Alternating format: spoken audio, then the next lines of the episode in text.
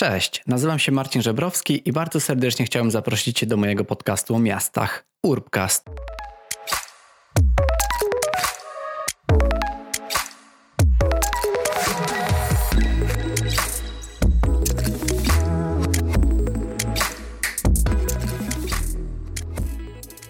Dzisiaj rozmawiam z Agatą Bosiacką, która jest jedną z założycielek SPOTA, czyli kolektywu projektowo-budowlanego. Kim w ogóle jest ekipa SPOTA, kto za nim stoi? Jest to interdyscyplinarny zespół działaczy z, z branży projektowo-budowlanej, a łączy ich zamiłowanie do działań społecznych oraz do aktywnego trybu życia. Z Agatą porozmawialiśmy o tym, skąd wziął się pomysł na taki kolektyw projektowo-budowlany, kto za nim stoi, jak dokładnie przebiegał ostatni survival budowlany spot, który odbył się dwa tygodnie temu, a także jak wyglądał festiwal warsztatów outdoor, który towarzyszył temu wydarzeniu.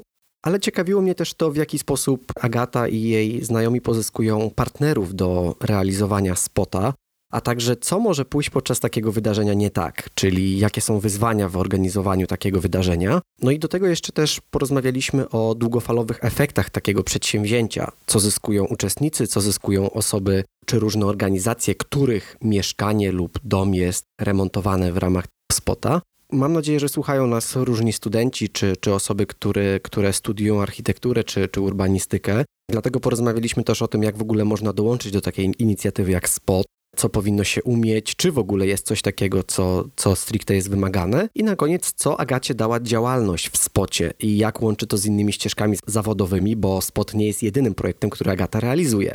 Więc zapraszamy Was na naszą rozmowę.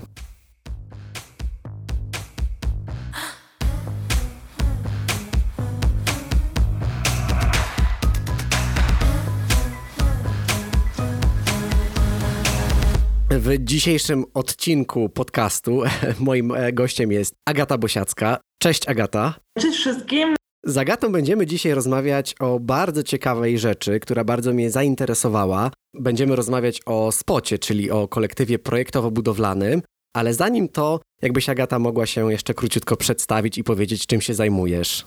Nazywam się Agata Bosiacka i jestem e, architektem, e, ale moje ścieżki zawodowe w różną stronę mnie prowadzą. E, trochę w stronę budowy, trochę w stronę prowadzenia warsztatów i wszelkich edukacyjnych projektów. Staram się działać wielobranżowo i, i na wielu frontach i między innymi e, spotykam się, e, w sensie tutaj spotykam się z Wami głosowo e, w kontekście kolektywu projektowo-budowlanego, który wspomniał Marcin i jestem założycielem i, ko i koordynatorem tego kolektywu. Warto wspomnieć, że ta, ta twoja chęć do działania i, do, i to działanie na wielu polach mieliśmy też, też, że tak powiem, przyjemność wykorzystać, bo poznaliśmy się podczas projektu Żywa Ulica, który wspólnie realizowaliśmy w Warszawie. Natomiast jakbyś mogła powiedzieć w ogóle, skąd wziął się pomysł na kolektyw projektowo-budowlany SPOT? Kto za tym stoi i czym w ogóle jest SPOT? To może jeszcze zanim tutaj o, o samym spocie, to chciałam też nawiązać do Żywej Ulicy, że był to taki dobry początek moich, e, moich poczynań, jeżeli chodzi o projekty społeczne i działania oddolne. I właściwie od tego wszystkiego się zaczęło i to mnie zainspirowało że też mogę wykorzystywać swoje umiejętności w taki sposób, żeby tworzyć nowe, nowe działania e, i właśnie łączyć, łączyć ludzi przy tych działaniach i przy tych projektach. I właściwie od tego e, wziął się też e, spot, który wyszedł z mojej właśnie potrzeby wewnętrznej, wyjazdu na budowę i, i pomagania. I właściwie się wszystko zaczęło od spotkania w odpowiednim czasie, w odpowiednim miejscu, dlatego też sama nazwa spot tutaj e, nawiązuje do, do nazwy, do spotkania, ponieważ e, zaczęło się to, w, zaczęło się to okay. wszystko w, e, w Zakopanem na innych warsztatach, też studenckich, architektonicznych mhm. OSSA, gdzie byłam tam uczestniczką i moją tutorką mojej grupy, w której uczestniczyłam, była koordynatorka wolontariatu z Fundacji Habitat for Humanity Poland i tam właśnie poznałam e, działania tej fundacji mhm. i byłam zaskoczona tym, że wcześniej o nich nie słyszałam i też on, byłam zaskoczona tym, że mało osób o nich słyszało. A sama fundacja zajmuje się pomocą budowlaną i wolontariatem budowlanym zagranicznym i korporacyjnym.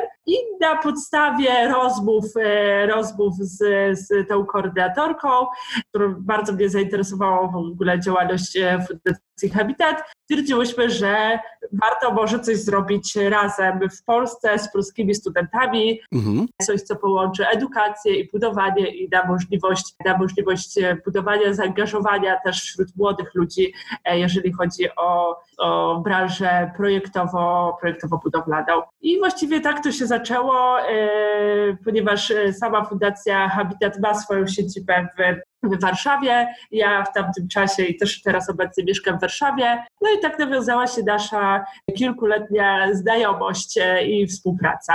I zrealizowaliśmy. Czyli całkowicie przypadkowo. No tak, właściwie czas, czas okoliczności e, i po prostu wszystko się tak złożyło, że ten projekt wyszedł, po prostu został e, narodzony, tak bym powiedziała. E, gdzieś tam właśnie z rozmów i, i z takich e, potrzeby mojej wewnętrznej e, i też jakby tej koordynatorki, która też chciała zrobić coś, coś nowego, coś, coś świeżego. Tak właściwie zorganizowałyśmy pierwsze spotkanie na Politechnice Warszawskiej o działalności Fundacji Habitat i o, to, to spotkanie też miało na celu zobaczyć, jakie będzie zainteresowanie taką, mhm. taką działalnością i czy coś z tego może się narodzić. Jakby to był pierwszy krok do zebrania jakiejś grupy, która mogłaby działać dalej. Więc tak to było. Okej, okay, czyli adres, adresowaliście jakby albo chcieliście zainteresować swoim działaniem, jeśli dobrze rozumiem, głównie studentów, tak? Tak, tak, głównie studentów. Ja wtedy też byłam jeszcze studentką i zależało nam na tym, żeby, e, żeby studenci z ich budżetem studenckim mogli wziąć udział mhm. w wolontariacie budowlanym, bo tutaj nie, nie wszyscy wiedzą, że generalnie taki wolontariat zagraniczny zazwyczaj jest odpłatny i nie, jest, nie są to małe pieniądze, ponieważ trzeba pokryć e, loty, e, a często też trzeba uiścić jakąś dodatkową opłatę, dzięki której sama sama organizacja pomocowa jest w stanie tę pomoc mhm. E, jakoś też organizować. Dla zainteresowanych to też e, mogę powiedzieć, że koszt takiego wolontariatu budowlanego, takiego wyjazdu na zagraniczny wolontariat może nawet sięgać około 2000 dolarów, co jest oczywiście dosyć zaporową ceną. Dla, na studencką kieszeń. Tak, na studencką kieszeń. Nawet powiedziałabym, że nawet nie na studencką, na jakąkolwiek polską kieszeń. E, więc więc jest to dosyć ciężkie. Oczywiście są też takie organizacje, które taki wolontariat budowlany organizują trochę taniej, tak? To wszystko zależy od modelu e, finansowania takich filarów, mhm. ale akurat e, w Fundacji Habitat for Humanity tak mniej więcej to wygląda. Jest to międzynarodowa, e, ogólnoświatowa właściwie organizacja, która najprężniej działa w w Stanach Zjednoczonych tam najbardziej jest też mhm popularna, no ale wiadomo, tam jakby e, powiedzmy te 2000 dolarów znaczy trochę jakby inną, inną ma wartość niż u nas. No tak. Więc jakby do, do Polski najczęściej przyjeżdżają wolontariusze, ponieważ Polska też się znajduje w tym jakby kręgu krajów, mhm. gdzie niesie się pomoc e, budowlaną. Mhm. A skoro już wiemy, jak to mniej więcej się zaczęło, e, wiemy, że próbowaliście zainteresować tym działaniem studentów, to jak to się stało, że właśnie powstał spot? Kiedy odbyły się pierwsze warsztaty z, z tego e, spot, spot jakby tego, tego projektu, spot szyldu spota?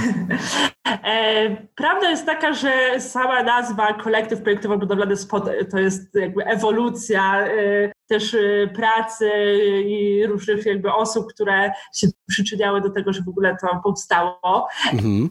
Y, na początku właściwie mieliśmy być oddziałem, e, takim mini, no nie oddziałem, w sensie taką mini grupą Fundacji Habitat for Humanity.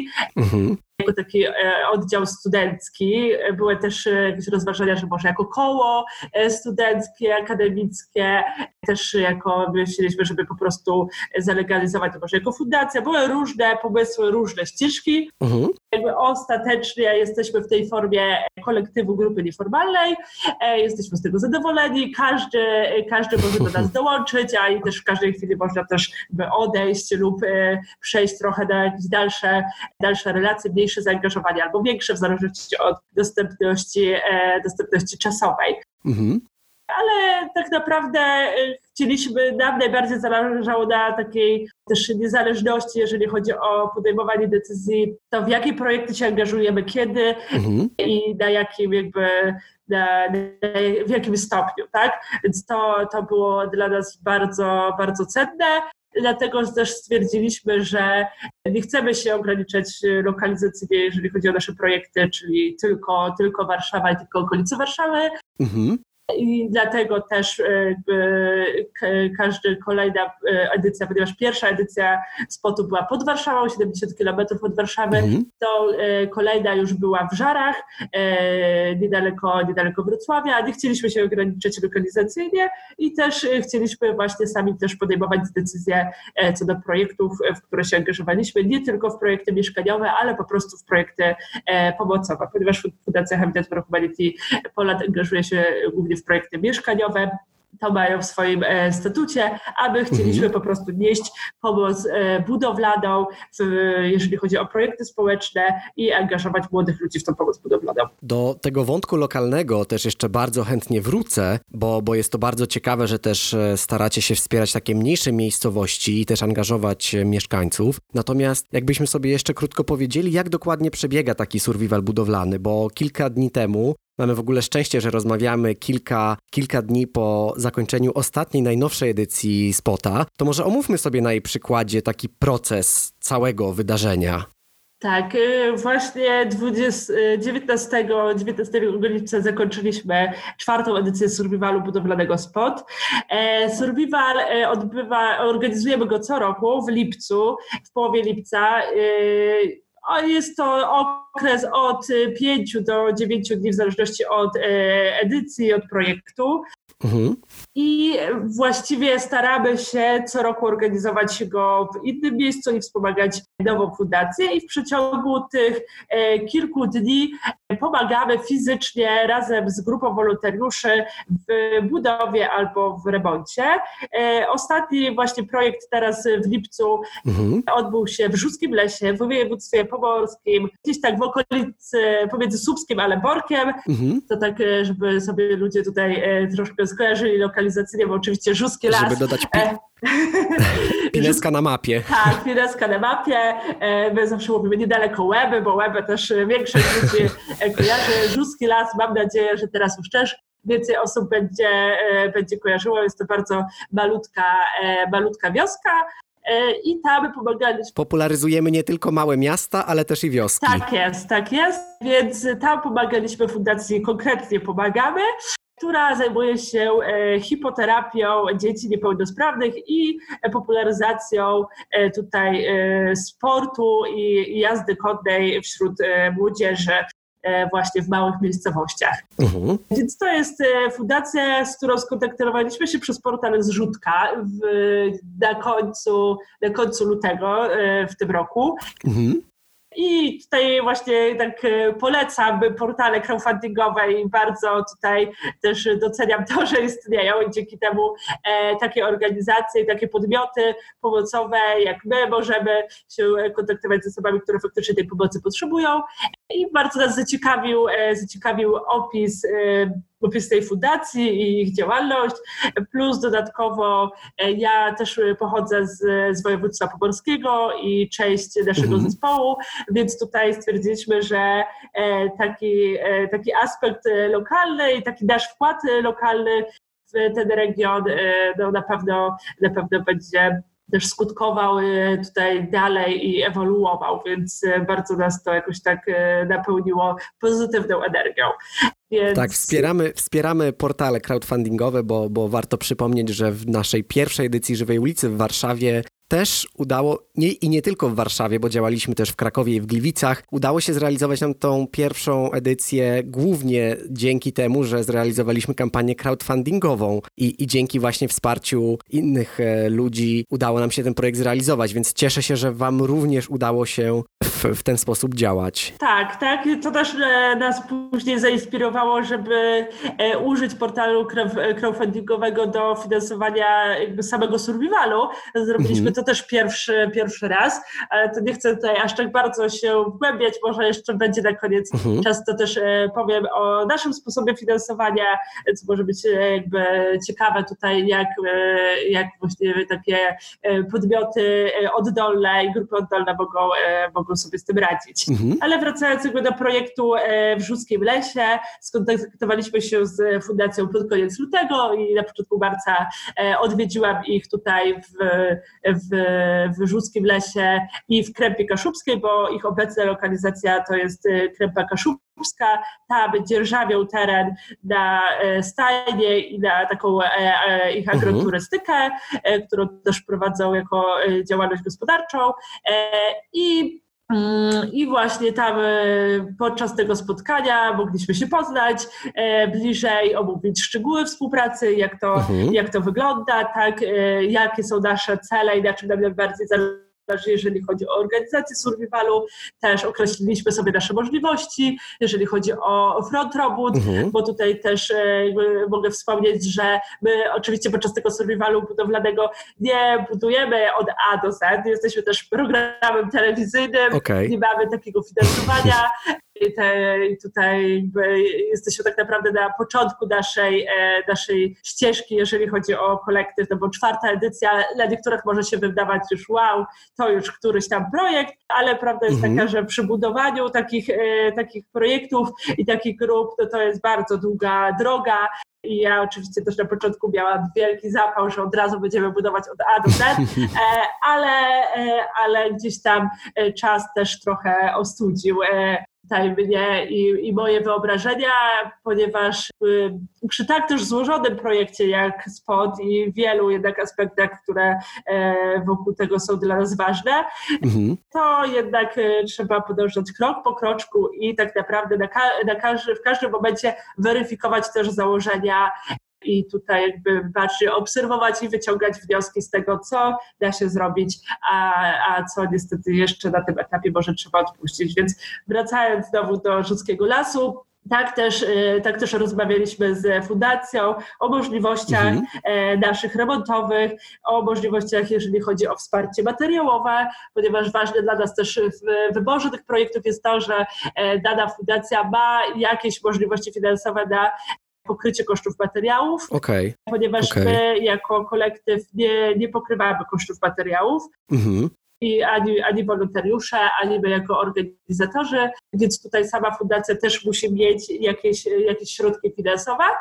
Na to my oczywiście mhm. E, w trakcie całe, e, całego organizowania tego survivalu staramy się pozyskać jak najwięcej partnerów, którzy, którzy będą chcieli i przekazać materiały, e, materiały budowlane dla fundacji na rzecz też e, organizacji wolontariatu budowlanego, ale także mhm. E, przeprowadzić jakieś szkolenia dla studentów i absolwentów, czyli naszych wolontariuszy.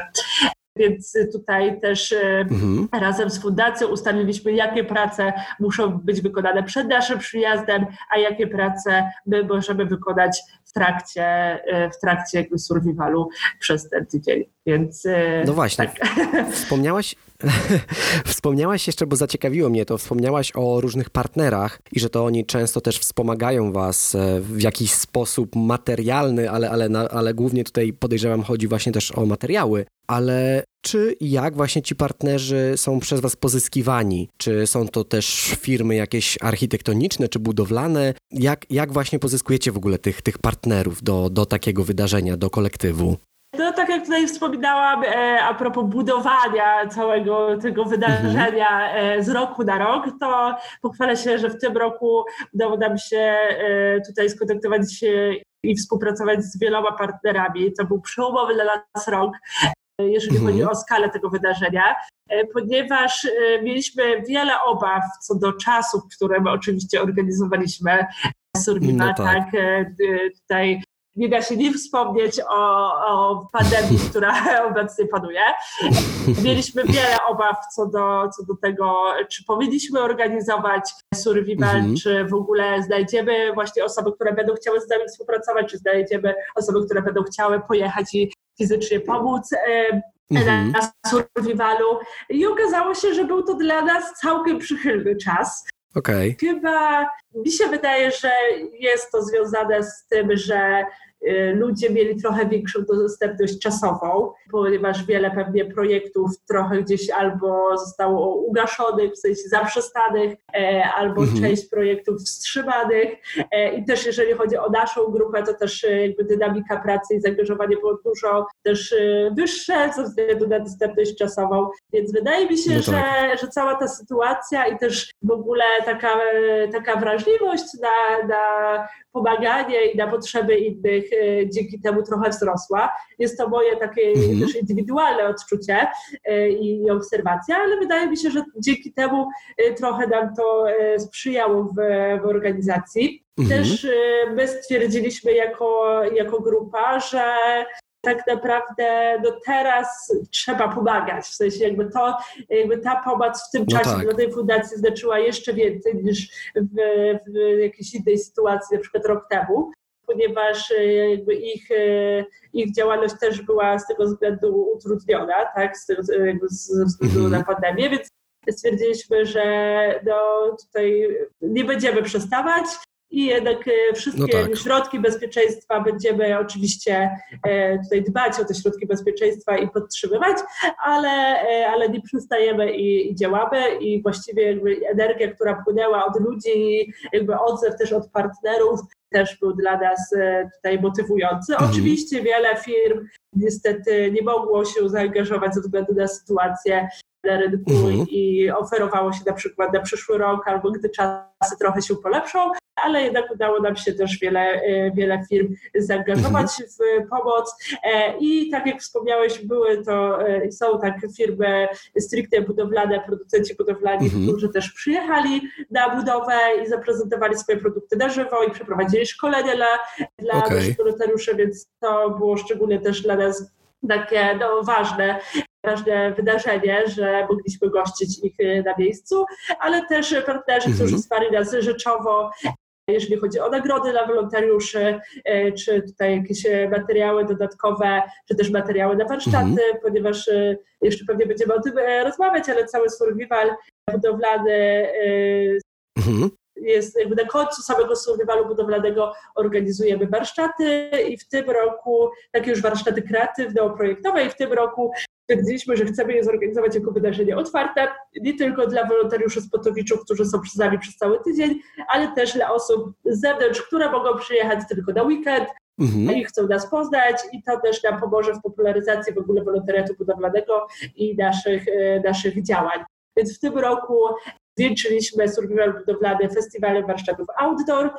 Mhm które zaprosiliśmy gości i właśnie e, ci goście prowadzili warsztaty, były to m.in. biura projektowe, znane biuro A2, e, P2 z Trójmiasta, biuro urbanistyczne mhm. i e, biuro ZA Studio, które się zajmuje aranżacją zieleni i również zaangażowaliśmy partnerów tutaj lokalnych, do prowadzenia warsztatu, więc mieliśmy dosłownie miszmasz bardzo fajnych, fajnych tutorów, no i oczywiście na te warsztaty mhm. też udało nam się pozyskać materiały tak, y, warsztatowe, też od firm lokalnych, między innymi Centrum Ogrodnicze, które przekazało rośliny, czy, y, mhm. czy Tarta, który przekazał drewno, więc naprawdę tutaj wspólne działanie partnerów lokalnych, ale nie tylko, tak naprawdę przyczyniło się, że to wydarzenie doszło do takiej skali i mam nadzieję, że pomoże nam to też w rozwoju dalej na kolejne lata. Czyli, czyli sam festiwal warsztatów e, outdoor to było takie wydarzenie towarzyszące, które było otwarte, tak? Było skierowane nie tylko do wolontariuszy, którzy wzięli, uda, wzięli udział w samym spocie, ale także dla innych osób, które mogły się na to wydarzenie zapisać. Dokładnie tak, dokładnie tak. Stwierdziliśmy właśnie, że e, tutaj chcemy otworzyć jak największą liczbę osób te, te, nasze działania, a prawda jest taka, że słaby front robót i liczba osób, które mogą e, wziąć udział w survivalu, no jest jednak ograniczona ze względu na wielkość budowy, e, ilość instruktorów mhm. i generalnie przeprowadzenie, e, przeprowadzenie wszystkich prac budowlanych, więc to jest tak około 25 osób w tym roku. Udało nam się ten front trochę powiększyć do 35 osób więc, e, więc jakby dzięki temu większa ilość osób mogła uczestniczyć, ale jednak tych chętnych i zainteresowanych naszą działalnością jest więcej, e, więc mhm. stwierdziliśmy, że organizowanie tego wieńczącego dnia e, warsztatowego pozwoli nam na większą tutaj też popularyzację takiej edukacji praktycznej, więc, e, więc Widziałem... odważyliśmy się od, jakby zrobić ten krok e, i, mhm. zwiększyć tę skalę. Widziałem właśnie na waszej stronie internetowej, że jak robicie sobie zdjęcia z kolejnych edycji wydarzenia, to ta grupka wolontariuszy i osób zaangażowanych w projekt też się zwiększa z roku na rok. Nie widziałem jeszcze zdjęcia, wydaje mi się, że nie, nie mieliście jeszcze zdjęcia grupowego w tym roku? Czy, czy, już, czy już było umieszczone w social mediach? Jeszcze nie, ponieważ najpierw mhm. zawsze wysyłamy podziękowania takie mailowe do partnerów i potem takie podziękowania ogólne, więc jeszcze jesteśmy w trakcie tutaj takich kończących spraw organizacyjnych i wysyłania maili i będziemy mhm. na dniach e, umieszczać zdjęcie, zdjęcie grupowe, chociaż w tym roku było wyjątkowo ciężko złapać wszystkich naraz, jednak taka grupa 35 mhm. osób w tych warunkach naszych survivalowych. No tak. Szybko się rozpierzcha, tutaj prysznice, tutaj, tutaj namioty, tutaj jeszcze ktoś kończy, pakuje narzędzia, więc e, więc dynamika grupy jest bardzo, e, bardzo duża, ale mamy też zdjęcie grupowe, mhm. więc e, na pewno będziemy też publikować. Okej. Okay. Agata, jak tak Ciebie słucham, jak opowiadasz mi o spocie i o tym najnowszej, i o tej najnowszej edycji również, to bardzo wybrzmiewa taki kontekst lokalny, że wy naprawdę chcecie wspierać tą lokalną społeczność, chcecie też angażować jakieś lokalne podmioty. No i przede wszystkim też wybór samego miejsca czy budynku też odnoszę wrażenie, że nie jest przypadkowy. Dlatego chciałbym z Tobą porozmawiać o takich długofalowych efektach tego przedsięwzięcia. Czyli jak taki projekt oddziałuje na otoczenie? Oprócz tego, że jest to budynek, który jest przez Was w jakiś sposób wyremontowany, no to tak jak mówisz, na pewno oddziałuje to w jakiś sposób na tą lokalną społeczność. Jakbyś mogła powiedzieć jak? Przede wszystkim wierzymy, że to nasze działanie y, tutaj ma wpływ od takiej skali mikro po skalę makro, długofalową. Chociaż nie, nie wszyscy pewnie wierzą w takie działania oddolne i te mhm. działania, że one tak mogą oddziaływać na skalę makro, ale my w to głęboko wierzymy. I przede wszystkim, e, przede wszystkim, jeżeli chodzi o wybór samej fundacji, to też wierzymy w to, że te miejsca, które te fundacje tworzą, tak, bo dla przykładu e, tutaj e, byliśmy zaangażowani w remont budynku na centrum e, hipoterapii, uh-huh. tak, które będzie w nowym miejscu i ono będzie wpływało na tą tkankę wiejską i dal, w dalszej skali pewnie na taką tutaj, na ten cały region tego powiatu. Uh-huh i pewnie w większej skali nawet też województwa, mm, to e, w tamtym roku pomagaliśmy w e, remoncie budynku na specjalistyczne przedszkole dla dzieci niepełnosprawnych mhm. i tam też e, to było w Żarach, tak, najbliższe w stosunku do Żar takie przedszkole jest z tego co mi wiadomo, teraz mhm. już w Żeganiu, ale jeszcze kilka lat temu w, w Zielonej Górze i tam właśnie z rozmów z tą fundacją, która otwiera e, to przedszkole, e, wynikało, że ich pomysł na otwarcie tego, tego przedszkola też wynikał właściwie z potrzeby ludzi i z, jakby z pytań, mhm. Tutaj, e, takich no, problemów tych jakby rodzin w, w miejscowości mhm. Żary, które mają jakby no, problem ze znalezieniem miejsca w przedszkolu dla swoich dzieci. Mhm. No i te projekty, które my wybieramy, bezpośrednio oddziałują na społeczeństwo i też na e, tkankę najbliższego otoczenia. Rozumiem. Takie projekty nas, e, nas e, zaciekawiają, że one potem pomagają tak naprawdę w, w funkcjonowaniu tych społeczeństw. I my mhm. tym swoim zaangażowaniem, chociaż takim krótkim, niektórzy mogliby pomyśleć, że wyrywkowe, no bo nie budujemy przecież od A do Z. No tak. A jedynie tak naprawdę dajemy taki, taki taką energię tak naprawdę y, mhm. dla tych fundacji do dalszego działania i remontowania i do tego, że to, co oni robią ma sens i ma wpływ na innych i mhm. Mamy nadzieję, że ta nasza pomoc tygodniowa tak naprawdę też jest dla nich takim docenieniem tego, co mhm. działają, co, co robią normalnie na co dzień, jeżeli chodzi o ich działalność społeczną. I dlatego też w ramach tego, że oni tworzą nowe miejsce w nowej strukturze, mhm. my chcemy jakby dać im trochę taką e, też rozpoznawalność i taki, e, takie kontakty z nowymi partnerami lokalnymi. Dlatego też staramy się do naszych projektów zaangażować e, władze władze lokalne, tak, czy to e, starostwo, czy gminę, mhm. czy, czy jakieś właśnie tutaj e, innych partnerów e, lokalnych, tak, też właśnie inne organizacje pozarządowe, mhm. czy, czy firmy, które tak naprawdę mogą w przyszłości też pomóc dalej pomagać tym fundacjom, którym my pomagamy podczas survivalu i to są tak naprawdę wszystko takie relacje, które mogą dalej, e, dalej tutaj się, e, dalej się rozwijać. Mhm. Dlatego też do, do samego survivalu bardzo, bardzo przywiązujemy uwagę do tego, żeby zaangażować tych e, lokalnych partnerów, ale też nie tylko, bo wierzymy w tą skalę mikro i makro mhm. i jakby we współpracę tak naprawdę tych dwóch sił i energii. I też uważamy, że to daje na, na przyszłość dużo jakichś takich pozytywnych pozytywnych działań. Dla nas też to jest to, że mhm. żeby dalej współpracować przy kolejnych edycjach z tymi partnerami. Dla przykładu może tutaj też mogę powiedzieć, że e, na tym survivalu brzuskim na Sióda Pomorzu mhm. gościliśmy e, prezesa fundacji z, z Żar, który przyjechał właściwie na całe, na całe survival, mhm. żeby z nami działać i współpracować, bo e, bardzo sobie docenia tę energię, Okej. Okay też e, już tam w Żarach e, prezes jest, tej fundacji jest już na końcówce tej budowy Aha. bardzo długiej drogi, bo te projekty społeczne finansowane z różnych źródeł, przeróżnych źródeł, od unijnych, miejskich pro, programów i projektów, to przyjechał też naładować sobie tutaj baterię z nami, pomóc nam i właściwie też nawiązać nowe relacje z nowymi osobami, które też przyjechały na tą edycję. Więc to jest taka trochę kula śnieżna, mamy nadzieję, mhm. E, która będzie się e, powiększała, jeżeli chodzi o naszą działalność samego kolektywu, jeżeli chodzi o tę skalę mikro, czyli tego nowego miejsca w Rzuckim Lesie, czy nowego miejsca w Żarach, że jakby te pokłosie, które tutaj zostawimy po sobie, będzie przynosiło dalsze po prostu fajne efekty i te relacje y, będą zapomniane. Ja wierzę w to osobiście, mhm. że y, nawet te najmniej może na początku znaczące relacje dla nas i, i historie kiedyś mogą się okazać naprawdę dla nas y, kluczowe i że jednak no, mhm. żyjemy w takiej dużej, dużej wiosce i warto jakby dbać o te relacje. Czyli taki spoiler dla słuchaczy teraz tutaj, że wydarzenie Spota nie wygląda jak taki program, który kiedyś leciał na Polsacie, gdzie w Ameryce remontowali prywatne domy mieszkańców. nie, nie, zdecydowanie, zdecydowanie nie.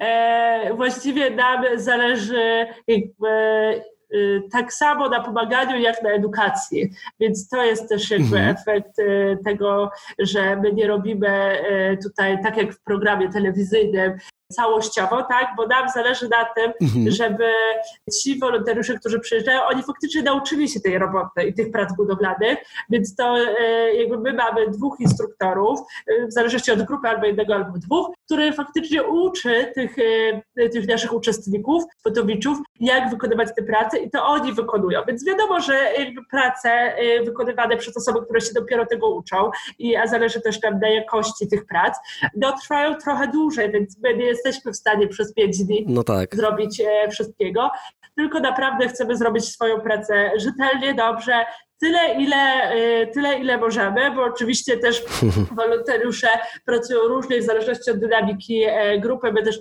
nikogo tam nie zmuszamy do pracy, więc jeżeli ktoś jest zmęczony, to może sobie odpocząć, zrobić sobie przerwę w każdym momencie, jeżeli ktoś ma, nie wiem, gorszy dzień, albo jeżeli ktoś chce też popracować dłużej, bo zdarzają się też takie e, sytuacje, na przykład na, na tym naszym obecnym survivalu, co mieliśmy, tak, bardzo tam jednej grupie zależało, żeby dokończyć sufitę i wyszpachlować, więc nawet po godzinach, e, jeszcze po przerwie obiadowej, zostali, e, żeby, żeby dokończyć swoje prace. więc tutaj bardzo indywidualnie też podchodzimy do tego, kto jakie ma też siły i możliwości do wykonywania prac. Dlatego tyle, ile wykonamy, to, z, tego jesteśmy też wdzięczni, że, że to się udało zrobić. Cieszę się, że, że przeszliśmy tak płynnie do właśnie tematu wolontariuszy, bo bardzo mnie interesuje. Podejrzewam, że słuchają nas studenci architektury, urbanistyki, budownictwa czy, czy pokrewnych kierunków. Dlatego jak w ogóle mogę dołączyć do, do spota i czego tak naprawdę mogę się na takim wydarzeniu nauczyć? Do wydarzenia tak naprawdę mogą dołączyć wszyscy. W sensie to też nie jest tak, że mhm. my zamykamy to wydarzenie tylko na osoby z kierunków techniczno-projektowych bo też zdarzają się osoby, nie wiem, z mhm. informatyki, z medycyny, więc, okay. jest to tak naprawdę przeróżnie, ale gdzieś tam z naszego doświadczenia wiemy, że to zainteresowanie jest największe wśród osób z kierunku architektura, ponieważ mogą mhm. w końcu pojechać na budowę, zobaczyć to, co siedzą e, po prostu przez wiele godzin i rysują w komputerze. Nocami. Tak, noca, nocami, dniami i weekendami. Mogą zobaczyć na żywo, tak? Zobaczyć e, grubość tych płyt. GK, e, zobaczyć e, jak jest zamontowana ta wełna w tej ściance, jak, jak te sufity podwieszane faktycznie się trzymają i że je trzeba gdzieś zamontować. To pozwala tak urealnić w ogóle kwestie montażowe tego, co potem architekci rysują, czy, czy tutaj branżyści projektują bo też e, wykonywaliśmy prace instalacyjne, tak, e, podłączenia wodkanu e, czy rozprowadzenia elektryki. Mhm. Więc tutaj ten przekrój pracy jest przeróżny i wydaje mi się, że z każdego kierunku można, jakby osoby mogą być zainteresowane i właśnie nie tylko z kierunków technicznych, bo to, co się ludzie nauczą na survivalu, mogą też przełożyć na remont własnego mieszkania, a nawet po prostu na taką zwyczajną życiową zaradność, tak? E, bo no tak. E, oczywiście to, że ktoś się nauczy na survivalu kłaść e, płytki, ma jakby bezpośredni tutaj wpływ na to, że umie położyć płytki, ale też to, że nie boi się używać narzędzi, że wie, jak dojść do jakiegoś rozwiązania, czy że pewne rzeczy można cofnąć, tak? Pewne prace można, jeżeli ktoś się popełniło błąd, można zdemontować, ale niektóre gorzej.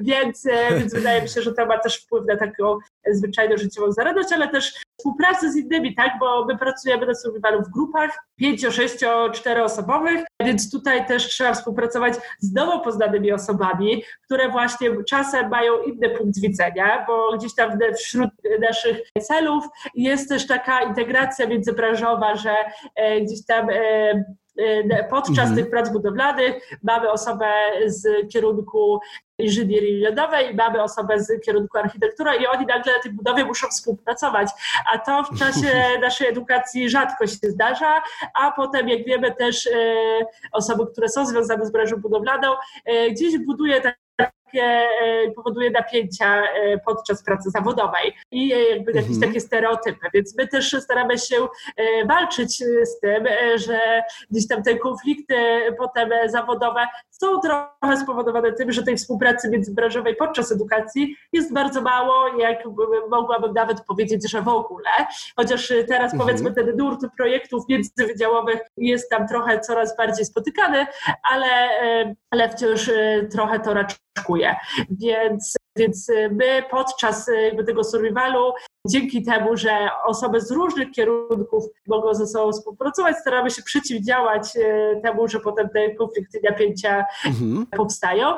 No tak. Więc tutaj też taka, taka współpraca na miejscu i możliwość poznania nowych osób. Więc odpowiadając no. na Twoje pytanie, tak, to, czego można się nauczyć, to przede wszystkim, przede wszystkim praktycznych rzeczy, praktycznych umiejętności budowlanych i remontowych, ale jednocześnie też takich umiejętności miękkich, jak współpraca, komunikacja i tutaj taka, taka możliwość właśnie poznania nowych osób i z całkowicie różnych światów i różnych miejscowości, bo na survivalu przyjeżdżają osoby z różnych miast, tak?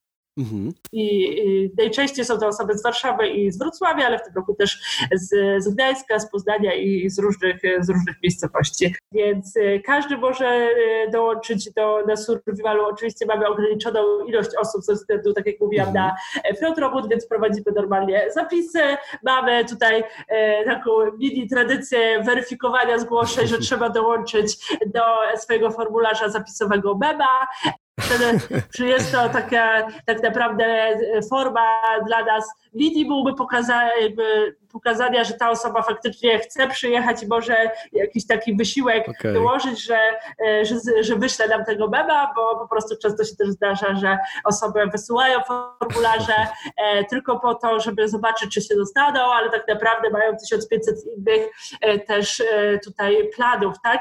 A wiadomo, że mhm. dla nas z punktu widzenia organizacyjnego zależy nam na takich osobach, które traktują serio to, co, to, co my robimy i to, co mhm. my chcemy dać dla danej fundacji i po prostu no, nie będą rezygnowały w ostatniej chwili, tak, ponieważ e, my musimy ułożyć ten front robot jednak też odpowiedzialnie. No tak. Podchodzimy do partnerstwa z daną fundacją i do tego, do czego się zobowiązujemy, więc też chcemy, żeby nas e, traktowali poważnie, e, sami wolontariusze i chętni. Więc tutaj w takiej mhm. mniej formalnej formie memu, tak, zabawowej, chcemy jakby zweryfikować to, czy ktoś też jakby chce naprawdę pojechać i uczestniczyć w naszym survivalu ale generalnie nie zamykamy się ani wiekowo tak naprawdę, e, bo mhm. my to jakby kierujemy do młodych ludzi, ale młody, młody można być duchem, młody można być wiekowo, więc tak naprawdę e, nie ma jakiegoś takiego e, ograniczenia, wystarczy się po prostu zapisać, ale też można dołączyć do samego kolektywu i do organizowania tego wydarzenia. Mhm. Tutaj też nie mamy tak naprawdę ograniczeń, kontaktujemy się. Przy tej edycji to już tak wypróbowaliśmy stuprocentowo, mhm. że kontaktujemy się online'owo, spotykaliśmy się raz w tygodniu, mhm. ponieważ też część naszego zespołu jest z Wrocławia, czyli z Wrocławia, e, czyli z, Wrocławia, czyli z Warszawy, więc e, spotykaliśmy się głównie zdalnie, więc też jeżeli ktoś jest z innego miasta, może do nas dołączyć do organizowania mhm. tych akcji. To też mogę wspomnieć, że w przeciągu roku też organizujemy takie mniejsze akcje, roboty w Sopoty, to są takie mhm. jedno albo dwudniowe akcje remontowe, więc okay, ciekawe. też można do tego dołączyć. Tutaj nie mamy jakiegoś takiego ograniczenia, jeżeli chodzi o, o termin. Właściwie wszystko zależy od tego, czy do nas się ktoś zgłosi, czy my mamy czas jako grupa, ponieważ zawsze wspólnie decydujemy o tym, czy angażujemy się w jakiś projekt, czy jesteśmy dostępni mhm. czasowo, tak? Bo wiadomo, każdy z nas też ma swoją pracę zawodową i, jakby swoją taką część życia prywatnego, więc to jest coś, co robimy całkowicie dodatkowo e, z takiej no, tutaj chęci, potrzeby e, działania i trochę zmieniania e, takiego no, zmieniania świata mhm. na podstawie tego, co uważamy, co uważamy za, za takie potrzebne. Czyli podsumowując, nie trzeba mieć konkretnego profilu projektowo-techniczno-budowlanego, czy też nie trzeba pochodzić z konkretnego miasta, żeby móc dołączyć. I tutaj swoją drogą nasza wspólna znajoma, urbanistka Magda Golan, która też była w zeszłym e, odcinku mojego podcastu, również brała udział w ostatnim spocie i mówiła mi właśnie, że uczyła się tego, jak podwieszać sufity i dość dobrze jej się to udawało. Tak jest, tak jest. Magda też e, była na survivalu. Bardzo się cieszę, że udało jej się e, przyjechać i jak sama też stwierdziła, że miała wiele obaw co do tego, e, czy ktoś, kto nigdy nie był na budowie lub nie wykonywał prac budowlanych, da sobie radę na survivalu, więc tutaj jakby informacja też dla wszystkich. Jeżeli nigdy nie mieliście do czynienia z budową, spokojnie my tak przeprowadzamy pracę i takiego mamy instruktora, który z nami współpracuje który ma anielską cierpliwość i wie, y, z czym się je wolontariat budowlany i edukacja tutaj y, na, na budowie, więc nie ma z tym problemów, a prawda jest taka, że jeżeli ktoś się właśnie poinstruuje, to te prace można spokojnie wykonywać samemu i nie trzeba być po prostu e, bardzo silnym, czy, czy nie wiadomo jak tutaj sprawnym fizycznie, e, ale naprawdę wszystko da się zrobić i tutaj taki też informacja, że tak naprawdę 80-90% uczestników naszego survivalu i wszystkich naszych akcji to są kobiety, które bardzo entuzjastycznie podchodzą do używania elektronarzędzi i do wyburzania chyba najbardziej, to się cieszy popularnością, wyburzenia zawsze muszą być. No właśnie, no to dobrze, dobrze że, że trochę rozwialiśmy te obawy, być może, które się pojawiają wśród osób, które nie mają takiego wykształcenia, czy, czy tak jak mówisz, nie miały w ogóle doświadczenia z, z byciem gdzieś tam na, na placu budowy, ale wciąż myślę, że, że, że jakieś tam obawy mogą takie osoby mieć.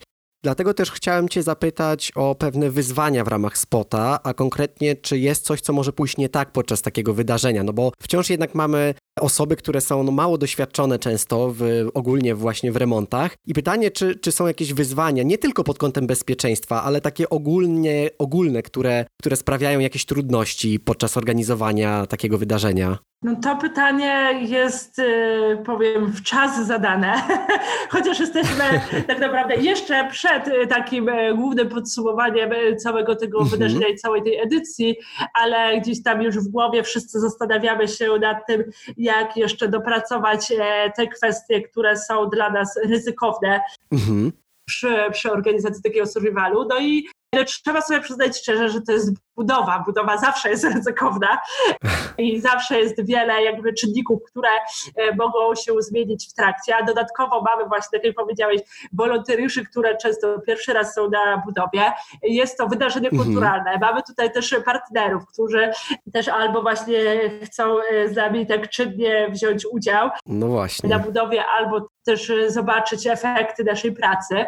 I oczywiście też mamy fundację, tak, no i mnóstwo różnych e, czynników, więc e, oczywiście jest wiele takich punktów, które, e, mhm których musimy jakby dopilnować i do których jakby czasem musimy postawić na swoim jako organizatorzy, mhm. jako że wiemy już jak co działa i co może jakby spowodować e, nie takie efekty, jakie by, na jakich nam by zależało ale wciąż okay. też wciąż jest to dla nas E, coś nowego, ponieważ ciągle tą skalę jakby powiększamy i ciągle coś dodajemy nowego. Tak, tak jak w tym przypadku mhm. nowy był e, sam festiwal warsztatów outdoor, nowe były, nowe były wizyty e, partnerów, nowy sam projekt i też jakby długość w warunkach, warunkach survivalowych, bo też powiem, że nie wszystkie edycje były w takich warunkach plenerowych, tak, że spaliśmy pod namiotami, mm -hmm. że prysznice mieliśmy zrobione z uszczuwania i tak dalej, i tak dalej, bo e, dwie Czyli poprzednie... tro, trochę kemping. Tak, tak, w takich warunkach plenerowo-kempingowych. Dwie poprzednie edycje były w takich warunkach w, w schronisku młodzieżowym, a ta mm -hmm. edycja była i najdłuższa i warunki były najbardziej takie e, właśnie kempingowe. Survivalowe. Tak, survivalowe dosłownie. W końcu jest to survival tak budowlany. Jest, tak jest. E, jest to nasze czasem tutaj takie ochronne e, hasło, że to jest survival, jak niektórzy e, uczestnicy gdzieś tam, nie wiem, przegapili przy wprowadzeniu, że prysznice właśnie będą plenerowe, albo że nie wiem, w tym roku też sami gotowaliśmy, więc to też było dla nas wyzwanie, więc, więc gdzieś te, te warunki tak są, są survivalowe. I jakby co roku dodajemy sobie te nowe wyzwania, które są właśnie ryzykowne, między innymi w tym roku to, że zdecydowaliśmy się na catering, który jedna z naszych, e, z naszych organizatorek, Klaudia, e, tutaj wykonywała, w sensie była tutaj kucharką całego survivalu. E, I to było, to było dla nas wyzwanie, bo gotować dla 35 osób zwyż nie jest łatwo, ale też zdecydowaliśmy się no tak. z tego względu, że już od tak naprawdę drugiej edycji obiady gotujemy wegańsko-wegetariańskie, mhm więc e, znaleźć tutaj taki catering, który e, podjąłby się e, grupy z taką jakby no, dietą, można nazwać, nie jest wcale łatwo, a Klaudia no, pasjonuje się też jakby jedzeniem, jest związana tutaj jakby z technologią żywności, więc zdecydowała się mhm. też ten catering dla nas okay. zrobić na miejscu i to było dla nas na pewno duże wyzwanie, bo robiliśmy to pierwszy raz. Mhm. Ale oczywiście z takich stricte budowlanych, budowlanych kwestii oczywiście dograć front robót, tak, żeby partnerzy, którzy przyjeżdżają też ze swoimi produktami, akurat mieli możliwość zrobienia instruktażu przy montażu ich produktów. Nie jest wcale łatwo, ponieważ ciężko jest mhm. jakby co do dnia, co do godziny przewidzieć front robót, ponieważ jest to związane właśnie z dynamiką grupy, z, nie wiem, z czasem z dostępnością materiałów, czasem jakiś materiał brakuje, okay. trzeba dokupić. To już powoduje jakieś tam przesunięcia terminowe, więc to e, jakby mhm. to nie jest e, tutaj takie bardzo, nie jest dla nas łatwe, ale też z, mhm. z edycji na edycję staramy się ten front robót też e, na tyle elastycznie dopasowywać, żeby nie zamykać się na różne ewentualności i też w taki sposób z partnerami, Aha. z partnerami rozmawiać. Okej. Okay. Więc, e, więc jakby to też jest taki dosyć e, ryzykowny, ryzykowny obszar. Mhm. No i tutaj z takich, z takich kwestii, e, które są też dla nas e, bardzo ważne, no to jakby to, żeby faktycznie ci wolontariusze e, mieli ciekawe mhm. prace do, do nauki i różne, tak, żeby nie było tak, że pięć grup tydukuje przez cały tydzień, tak, no bo mhm. wtedy no, te prace po prostu są trochę mniej ciekawsze i mniej można się nauczyć, no tak. więc zawsze staramy się też tak dobierać, żeby każda grupa na przykład pięć grup po pięć osób mhm. miały różne e, prace i też, żeby wolontariusze mogli się zamieniać między, między sobą albo w ciągu dnia, albo w ciągu tygodnia. Chociaż najczęściej jest tak, że okay. e, uczestnicy spotowicze tak się przywiązują do danej czynności, do tego, żeby wykonać już ten swój zakres frontu robót od A do, do Z, jak na przykład położenie tak e, tutaj okablowania elektrycznego, że nie chcą zmieniać, w sensie już chcą się tego nauczyć, potem już po jednym dniu praktycznie czują się fachowcami. Są, bo, są fachowcami, tak jest, mogą, e, mogą po prostu już e, lecieć z tymi pracami do końca, albo też instruować innych wolontariuszy. Tak więc, więc to jest dla nas też też bardzo ważne, żeby te prace, które wybieramy, nie były takie, że jak e, właśnie no, czasem tak zdarza się tam jakieś tam betonowanie czy posadzki, no ale wiadomo, że potem trzeba kilka dni e, odczekać, tak? No i już pomieszczenie byśmy mieli mhm. zablokowane. Więc akurat w tym przypadku Rzymskiego Lasu e, tutaj rozmawialiśmy tak z fundacją, żeby wszystkie posadzki były wykonane przed naszym przyjazdem, żebyśmy my mogli wykonać te prace, które nie będą nam powodowały też opóźnień czy blokad danych okay. pomieszczeń. Więc okay. tutaj no, tak wiele jednak jest tych aspektów, o których trzeba pamiętać. My też się uczymy jakby z roku e, na rok, nabieramy więcej doświadczenia. Mhm. I, I, też ważna jest dla nas taka jasna od początku komunikacja z fundacją, żeby potem też nie było jakichś takich e, problemów, jeżeli chodzi o różnice oczekiwań, tak, co do e, końcowego mhm. efektu. Agata, mam jeszcze do Ciebie takie pytanie już na koniec bo chciałem Ciebie zapytać tak bardziej osobiście, co Tobie daje działalność w spocie, a także jak łączysz to z innymi ścieżkami zawodowymi, no bo z tego co wiem, to nie jest Twoje jedyne zajęcie, bo realizujesz między innymi inny projekt, pomysł na warsztat. Tak jest, tak jak jest, tak jak na początku wspominałam, e, ja lubię się zajmować różnymi rzeczami i e, właściwie spot łączy wszystkie moje zainteresowania, bo z mhm. do tego, że jestem architektem, to mogę się spełniać projektowo, ponieważ też staramy się fundację wspierać e, projektowo w ich projektach. Dziś moje zainteresowanie budowlane, które się narodziło e, mhm. kilka lat temu, też e, mogę spełniać w działalności spotu, ale także takie stricte te działania koordynacyjno-nadzorujące, czy też mhm. tutaj tak naprawdę tworzenie całego jakiegoś nowego konceptu i decydowanie o, o tych wyzwaniach, które mogę podejmować. Mhm. To wszystko mogę łączyć w ramach tego, tego wydarzenia, organizowania survivalu, również, e, również takie działania mhm warsztatowe, tak, ponieważ sam pomysł na warsztat, jak wspomniałeś, który w tej formie zaczęłam realizować od tego roku, ale też jest to tak naprawdę zbiór e, przenikających się mhm. działań warsztatowych, które prowadzę od kilku lat, które między innymi zaczęły się gdzieś e, przy, przy prowadzeniu badań urbanistycznych e, podczas naszego projektu Żywa Ulica, które razem mhm. kiedyś tam realizowaliśmy. Okazało się, że okay. prowadzenie, prowadzenie warsztatów i takich grup tak naprawdę, grup warsztatowych projektowych jest dla mnie bardzo przyjemne, satysfakcjonujące i czuję, że jestem w tym dobra i się mogę spełniać. Mhm. I w ramach jeszcze, jeszcze na początku, w ramach spotu prowadziliśmy też taką odnogę, odnogę warsztatów urbanistycznych i wtedy mhm. jakby nazwaliśmy to miasto na warsztat i jakby to jest właściwie geneza pomysłu na warsztat, mhm. ponieważ właśnie w ramach różnych festiwali, czy festiwalu Woodstock, czy Grydolszy Festiwal, czy jakichś takich mniejszych festiwali muzycznych na strefach warsztatowych prowadziliśmy warsztaty miejskie, urbanistyczne, prowadziliśmy też taki, mhm. taki cykl warsztatów miastoluby, czy o, o budowaniu miasta i projektowaniu miasta dla takich dzieci, które przychodziły na te warsztaty ze swoimi rodzicami, więc gdzieś tam ten, ten aspekt edukacji urbanistycznej, ja też jestem po specjalizacji miejskiej urbanistycznej, tak jak ty w jednym ze swoich e, podcastów mówiłeś, że interesujesz się miastami od już dawniej dawna, to dla mnie też miasta, jakby tematyka tak. miejska jest bardzo bliska, dlatego też te e, tematy warsztatów realizowaliśmy w ramach spotu i też dzięki temu gdzieś ten aspekt lokalny mogliśmy dotykać i tak naprawdę stwierdziłam, że tematyka organizowania warsztatów różnych tematycznych, mhm. tematycznie jest mi bliska i gdzieś tam e, kilka lat temu też e, zaczęłam się interesować e, myśleniem wizualnym, mhm.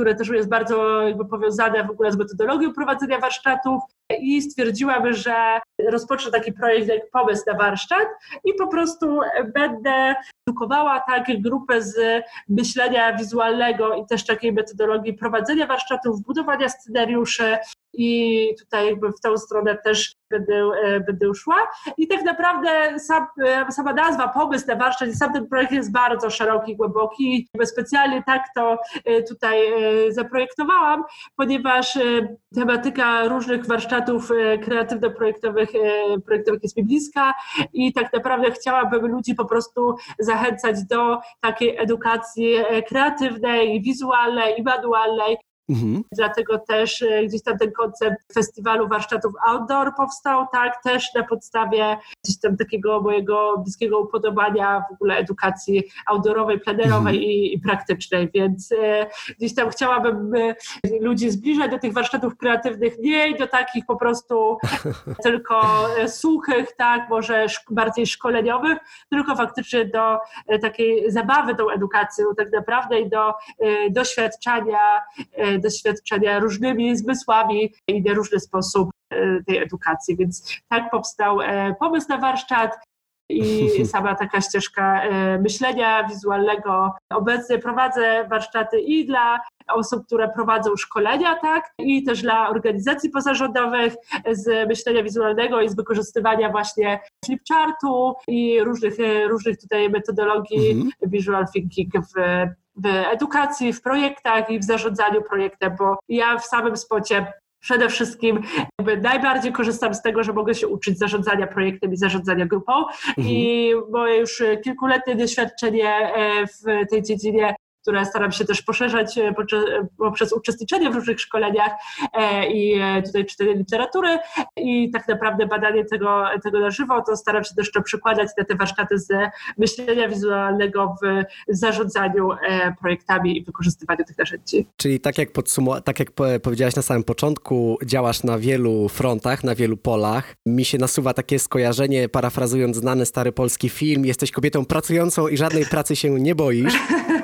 realizujesz wiele projektów. Dlatego jeszcze jakbyś mogła powiedzieć, gdzie można śledzić w ogóle, w ogóle Twoje działania, no i też Twoje projekty w internecie i nie tylko. Jeżeli chodzi o działania kolektywu SPOT, e, to oczywiście na naszym Facebooku, e, Facebooku kolektyw projektowo-budowlany SPOT, ale również na naszej stronie inicjatywaspot.pl. Tam staramy się na bieżąco informować o projektach, a także o możliwości zaangażowania się w, w konkretne projekty i uczestniczenia w, w, akcjach remontowych i budowlanych.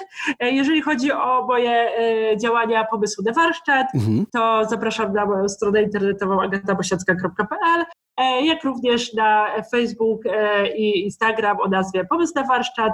Gdzie e, na bieżąco też staram się, e, o ile czas pozwala, na, na publikację tego, co się dzieje i, i jakby tutaj relacje projektów, w które mhm. jestem zaangażowana. Ja oczywiście te twoje strony, a także fanpage podlinkuję w opisie do tego odcinka, żeby osoby, które nas słuchają i zainteresowały się którymś z projektów, które realizujesz, mogły dowiedzieć się na ten temat czegoś więcej. Natomiast na koniec też podtrzymam taką swoją podcastową tradycję i chciałbym zapytać Cię o jedną książkę, którą mogłabyś polecić. Może być architektoniczna, urbanistyczna, ale nie musi. Jeżeli chodzi o e, książkę, ja powiem szczerze, że różną literaturę czytam, nie tylko właśnie architektoniczną i urbanistyczną. Jeżeli chodzi o e, urbanistykę, najbardziej lubię obserwacje na żywo i właśnie mhm. projekty, które się dzieją, ludzi, którzy działają w tych obszarach, ale taka książka, która mnie zaciekawiła, dziś e, temat komunikacji zawsze był mi bliski, ponieważ mhm. przez całe swoje życie dojeżdżałam do różnych miejscowości i właściwie jestem osobą, która kursuje po całej Polsce, wszędzie, e, mhm. gdzie się da.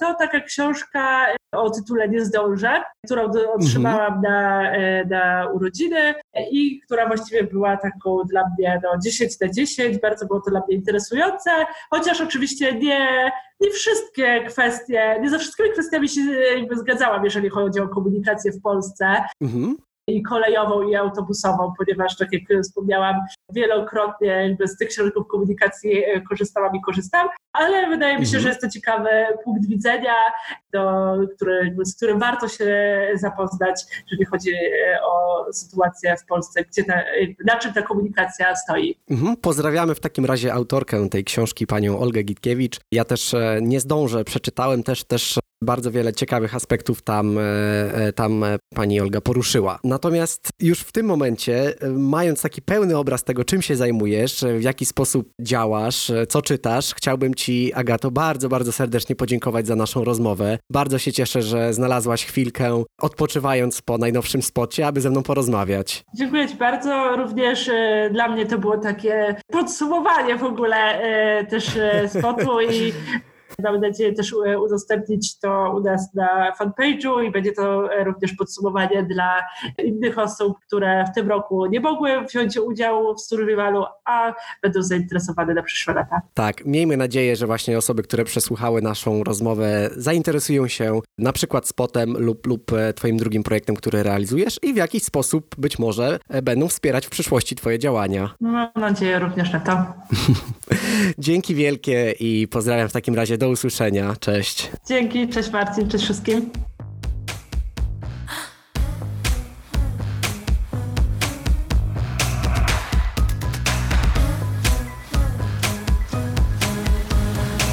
Dzięki za wysłuchanie kolejnego odcinka mojego podcastu, tym razem z Agatą. Mam nadzieję, że po jego przesłuchaniu wiesz już, czym jest survival budowlany oraz czym zajmuje się kolektyw projektowo-budowlany SPOT. Natomiast jeśli bardziej zainteresowały Cię warsztaty z myślenia wizualnego, którymi zajmuje się Agata, to zapraszam Cię do śledzenia pomysłu na warsztat, na przykład na Facebooku. Ja tymczasem dziękuję Wam bardzo za wysłuchanie tego odcinka i do usłyszenia niebawem.